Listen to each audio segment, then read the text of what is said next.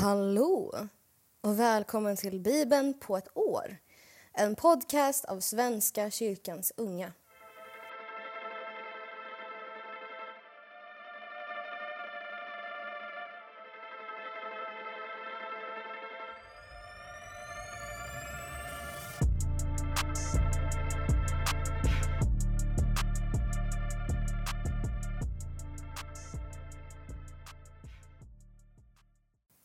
Jag heter Matilda Hellgren i efternamn.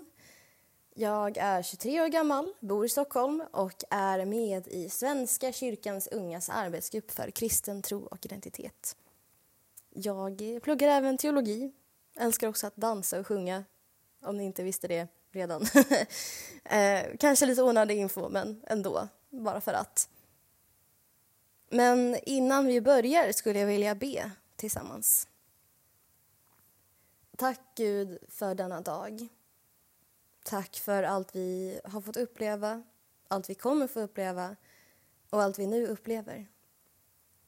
Låt oss få landa i din varma famn, din kärlek. Låt oss få njuta av solens strålar och en varmare vind. Och låt oss få känna på din kärlek. Tack för naturen, tack för djuren. Tack för allt du har skapat. I Jesu namn. Amen. Jag läser vidare från Fjärde Moseboken, kapitel 16, mitt i, från vers 41. Dagen därpå knotade hela den israelitiska menigheten mot Mose och Aron och anklagade dem för att ha dödat Herrens folk. Menigheten samlades för att angripa Mose och Aron och vände sig mot uppenbarelsetältet. Då täcktes det av molnet och Herrens härlighet visade sig. Mose och Aron ställde sig framför uppenbarelsetältet och Herren talade till Mose. Gå bort från denna menighet så ska jag förinta den på ett ögonblick. De föll ner på sina ansikten. Därefter sade Mose till Aron Ta ditt fyrfat, fyll det med glöd från altaret och strö över rökelse. Skynda dig sedan ut bland menigheten och bringa försoning åt dem. Herren har redan släppt lös sin vrede. Hemsökelsen har börjat. Aron tog det Mose hade sagt och skyndade sig in bland de församlade där hemsökelsen redan hade börjat. Aron brände rökelse och bringade så försoning åt folket. Han stod mellan de döda och de levande och hemsökelsen upphörde. Vid hemsökelsen kom omkring 14 700 människor förutom de som dött för Koraks skull. När hemsökelsen hade upphört återvände Aron till Mose vid uppenbarelsetältets ingång. Herren talade till Mose. Säg till israeliterna att varje stamöverhuvud ska ge dig en stav, en för varje stam, sammanlagt tolv stycken. Skriv vars och ens namn på hans stav. På Levis stam ska du skriva Arons namn, ty det ska finnas en stav för varje familjeöverhuvud. Stavarna ska du lägga framför förbundstecknet i uppenbarelsetältet, där jag uppenbarar mig för er. Staven som tillhör den man jag har utvalt kommer då att skjuta skott. Så slipper jag höra israeliternas knot, deras ständiga knotande mot er. Mose talade med israeliterna och alla deras familjeöverhuvuden gav honom var sin stav, sammanlagt tolv stycken. Även Arons stam fanns bland dem. Mose lade stavarna inför Herren i förbundstecknets tält. Dagen därpå gick Mose in i förbundstecknets tält. Då hade Arons stav skjutit skott, staven från Levis stam. Den knoppades, den blommade och den bar mogna mandlar. Mose bar då alla stavarna som låg inför Herren ut till israeliterna. De såg på dem. Sedan tog var och en sin stav. Herren sade till Mose Lägg tillbaka Arons stav framför förbundstecknet. Där ska den ligga som en varning för alla som vill göra uppror Så får du ett slut på deras knotande mot mig och de behöver inte dö. Mose gjorde så.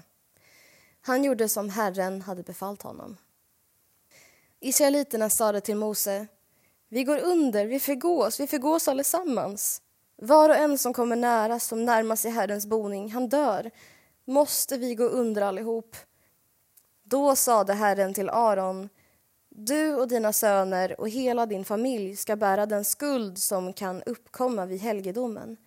Du och dina söner ska bära den skuld som kan uppkomma i prästtjänsten. Dina bröder av Levis stam, din fäderns stam, ska du också låta vara med. Låt dem biträda dig och hjälpa dig när du och dina söner tjänstgör framför förbundstecknets tält. De ska stå till ditt förfogande och ansvara för hela tältet. Men de får inte komma nära de heliga föremålen eller altaret, ty då kommer både de och ni att dö. De ska biträda dig och ansvara för uppenbarelsetältet, för allt arbete där. Men ingen obehörig får närma sig er. Det är ni som ansvarar för de heliga tingen och altaret. Då kommer israeliterna inte mer att drabbas av vreden. Jag har själv skilt ut era bröder leviterna från de andra israeliterna. De är en gåva åt er, avskilda åt Herren för att utföra arbetet vid uppenbarelsetältet. Men du och dina söner ska ansvara för er prästtjänst, för allt som gäller altaret och det som är bakom förhänget. Det är vad ni ska utföra. Jag ger er prästämbetet som ett privilegium. Varje obehörig som befattar sig med det ska dödas. Herren sade till Aron, jag överlåter dig ansvaret för de offergåvor som lämnas åt mig, för alla israeliters heliga gåvor. Jag ger dem åt dig och dina söner som en förmån, som er oföränderliga rättighet. Detta ska tillhöra dig av det högheliga av eldoffren. Alla deras gåvor, alla matoffer, syndoffer och skuldoffer de erlägger åt mig ska vara din och dina söners högheliga andel. Du ska äta dem som det anstår högheliga ting. Bara män får äta av dem. De ska vara heliga för dig. Detta ska också tillhöra dig. Det som lyfts upp av israeliternas gåvor alltså alla deras lyftoffer, ger jag åt dig och dina söner och döttrar som er oföränderliga rättighet. Var och en i din familj som är ren får äta av detta. Det första av skörden, allt det bästa av olja och allt det bästa av vin och säd som de ger åt Herren ger jag åt dig. Förstlingsgåvorna av allt som odlas i landet, det som frambärs åt Herren ska tillhöra dig var och en i din familj som är ren får äta av detta. Allt i Israel som har vigts åt Herren ska tillhöra dig. Det första som kommer ut ur moderlivet och bärs fram åt Herren ska tillhöra dig. Vilken levande varelse det än gäller, människa eller djur. Men en förstfödd människa ska friköpas och ett förstfött orent djur ska också friköpas. De ska friköpas till fastställt värde när de är en månad gamla. Fem siklar silver efter tempelvikt, det vill säga 20 gera per sikel. Men förstfödda djur bland nötboskap, får eller getter kan inte friköpas, de är heliga. Blodet från dem ska du stänka på altaret och fettet ska du bränna som ett eldoffer, en lukt som gör Herren nöjd. Köttet ska tillhöra dig, liksom bringan som har lyfts upp och det högra låret. Alla heliga gåvor som israeliterna offrar åt Herren ger jag alltså åt dig och dina söner och döttrar som er oföränderliga rättighet. Detta är ett saltförbund med oföränderlig giltighet inför Herren, för dig lika väl som för dina efterkommande. Herren sade till Aron i deras land får du ingen egendom. Ingen andel ska tillfalla dig bland dem. Jag är din andel och din egendom i Israel. Åt leviterna ge som egendom allt tionde från Israel som ersättning för det arbete de utför, deras arbete vid uppenbarelsetältet. Hädanefter får övriga israeliter inte komma nära uppenbarelsetältet, ty då drar de skuld över sig och måste dö. Det är leviterna som ska utföra arbetet där och de ska bära den skuld de kan dra över sig. Detta ska vara en oföränderlig stadga för er genom alla släktled. De tilldelas ingen egendom som de andra israeliterna. Det tionde som israeliterna ger Herren som offergåva är den egendom som jag ger åt dem. Det är därför jag säger att leviterna inte ska tilldelas någon egendom som de andra israeliterna. Herren talade till Mose. Till leviterna ska du säga. När ni tar emot israeliternas tionde, det som jag har bestämt att ni ska få av dem som er egendom, ska ni ge Herren en tiondel av tiondet som offergåva. Denna gåva ska räknas er till godo som om det vore säden från en tröskplats eller flödet från ett presskar. På så sätt ger också ni er offergåva åt Herren. Ni ska ge den från alla tionden som ni tar emot från israeliterna. Av dem ska ni ge en offergåva åt Herren och den ska ni lämna till prästen Aron. Från alla gåvor som ni mottar ska ni ta undan en full offergåva åt Herren och det ni sålunda helgar ska ni alltid ta från de bästa gåvorna. Säg också till dem, när ni har offrat det bästa av era tionden blir dessa för er leviter likvärdiga med vad andra får från tröskplats eller presskar. Ni får äta dem på vilken plats ni vill tillsammans med era familjer. Ty detta är er lön, ersättningen för ert arbete vid uppenbarelsetältet. Genom att offra det bästa av era tionden undgår ni att dra skuld över er genom dem. Ni vanhelgar inte israeliternas heliga gåvor och behöver inte dö. Wow, hårda bud. Nu håller vi ju heller inte på med offergåvor och sådär och vi offrar ju inte djur. På tal om sak, jag var med på en Lectio Divina förra veckan och där läste vi om Kain och Abel och hur Abels offer var bättre än Kains. För Kain hade offrat växter och Abel hade offrat djur då. Från det förstfödda och de bästa delarna. Och jag sa inte det, men jag tänkte liksom vad skulle det exegetiskt kunna betyda? Jag tänker liksom att den texten har ju blivit skriven tillsammans med de här texterna. Bibeln är inte skriven liksom kronologiskt ordning. Det är ju massa berättelser som har blivit eh, klippt och klistrade och ihopsatt och allt vad det kan vara. Så då tror jag nog att berättelsen om Karin och Abel är mer som en, alltså inte fabel, men som en, eh, alltså nästan lite eh, moralisk, etisk eh, berättelse för att berätta så här är det rätt, så här kan det gå med den som, ja, nu, nu vet vi att Kain dödade Abel, men Kain då fick ju ett straff för det.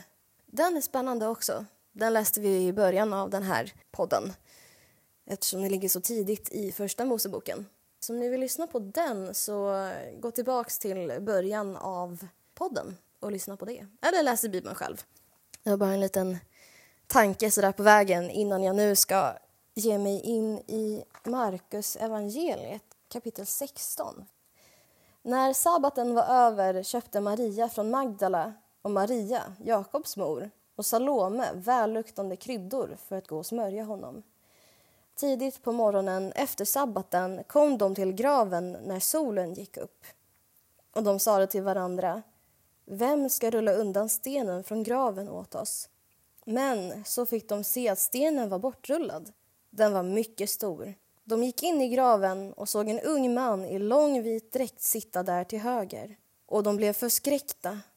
Men han sa till dem, var inte förskräckta. Ni söker efter Jesus från Nasaret han som blev korsfäst. Han har uppstått. Han är inte här. Se, här är platsen där han blev lagd. Men gå och säg till Petrus och de andra lärjungarna han går före er till Galileen. Där ska ni få se honom, som han har sagt er. Då lämnade de graven och sprang därifrån, darrande och utom sig och de sade ingenting till någon, för de var rädda. När Jesus hade uppstått på morgonen efter sabbaten visade han sig först för Maria från Magdala från vilken han hade drivit ut sju demoner. Hon gav sig iväg och berättade för dem som varit tillsammans med honom och som nu sörjde och grät. När de fick höra att han levde och att hon hade sett honom trodde de inte på det. Därefter visade han sig i annan skepnad för två av dem medan de var på väg ut på landet. Också de gick bort och berättade det för de andra, men inte heller de blev trodda. Sedan visade han sig också för de elva medan de låg till bords och han förberådde dem deras otro och halsstarrighet då de inte hade trott på dem som sett honom uppstånden. Han sade till dem Gå ut överallt i världen och förkunna evangeliet för hela skapelsen. Den som tror och blir döpt ska räddas, men den som inte tror ska bli dömd. Dessa tecken ska följa dem som tror. I mitt namn ska de driva ut demoner. De ska tala nya tungomål. De ska ta ormar med sina händer. De ska inte bli skadade om de dricker dödligt gift. Och de ska lägga sina händer på sjuka och göra dem friska. När Herren Jesus hade talat till dem blev han upptagen till himmelen och satte sig på Guds högra sida. Men de gick ut och predikade överallt och Herren bistod dem och bekräftade ordet genom de tecken som åtföljde det. Jag kommer också läsa ur Saltaren, nummer 55. För körledaren till stränginstrument. En dikt av David. Gud, lyssna till min bön. Dölj dig inte när jag ber. Hör mig och ge mig svar. Jag våndas i min oro. Jag får ingen ro för fiendens rop, för de ondas skrän. De öser sin ondska över mig, de ansätter mig i sin vrede. Mitt hjärta grips av ångest, dödsskräck faller över mig. Jag darrar av fruktan, jag överväldigas av fasa. Om jag ändå hade duvans vingar, då flög jag bort för att finna ett bo. Långt bort skulle jag fly och slå mig ner i ödemarken. Snabbt skulle jag söka ett skydd mot vinande vind och storm. Herre, skapa förvirring i deras tal. Våld och splitt ser jag i staden. Dag och natt vandrar de runt den uppe på murarna. Där inne bor ondska och elände. Fördärv råder i staden. Våld och svek lämnar aldrig dess torg. Om jag smädades av en fiende, då kunde jag bära det om jag förnedrades av en ovän då kunde jag dra mig undan. Men du är ju min like, min vän och min förtrogne. Vi gladdes att gå sida vid sida i skaran i Guds hus. Må de överrumplas av döden, levande fara ner i dödsriket. Ty ondskan bor mitt bland dem. Men jag ropar till Gud och Herren ska rädda mig. Morgon och kväll och mitt på dagen suckar jag och klagar och han ska höra mig. Han gör mig fri och trygg när fienderna rycker an och söker strid med mig. Gud ska höra mig och förödmjuka dem, han som sedan urtiden sitter på tronen. Ty de ändrar sig aldrig och fruktar inte Gud. Han kränkte freden, han svek sina givna löften. Hans ord är halare än smör, men hans hjärta vill strid. Hans tal är lenare än olja och ändå ett blottat svärd. Kasta din börda på Herren, han ska sörja för dig. Aldrig låter han den rättfärdige svikta. Du, och Gud, ska störta dem ner i avgrundens djup. Mördare och bedragare når inte livets mitt. Men jag förtröstar på dig. Jag läser också från Ordspråksboken, kapitel 11, vers 7. När mannen dör är hoppet ute. Av hans kraft är inget mer att vänta. Ja, tack för att ni har lyssnat. Vi ber Gud som haver tillsammans. Gud som haver barnen kär. Se till mig som liten är. Vart jag mig i världen vänder står min lycka i Guds händer. Lyckan kommer, lyckan går. Du förbliver Fader vår. I Jesu namn. Amen. Tack återigen. Vi ses och hörs imorgon. Guds frid tills dess.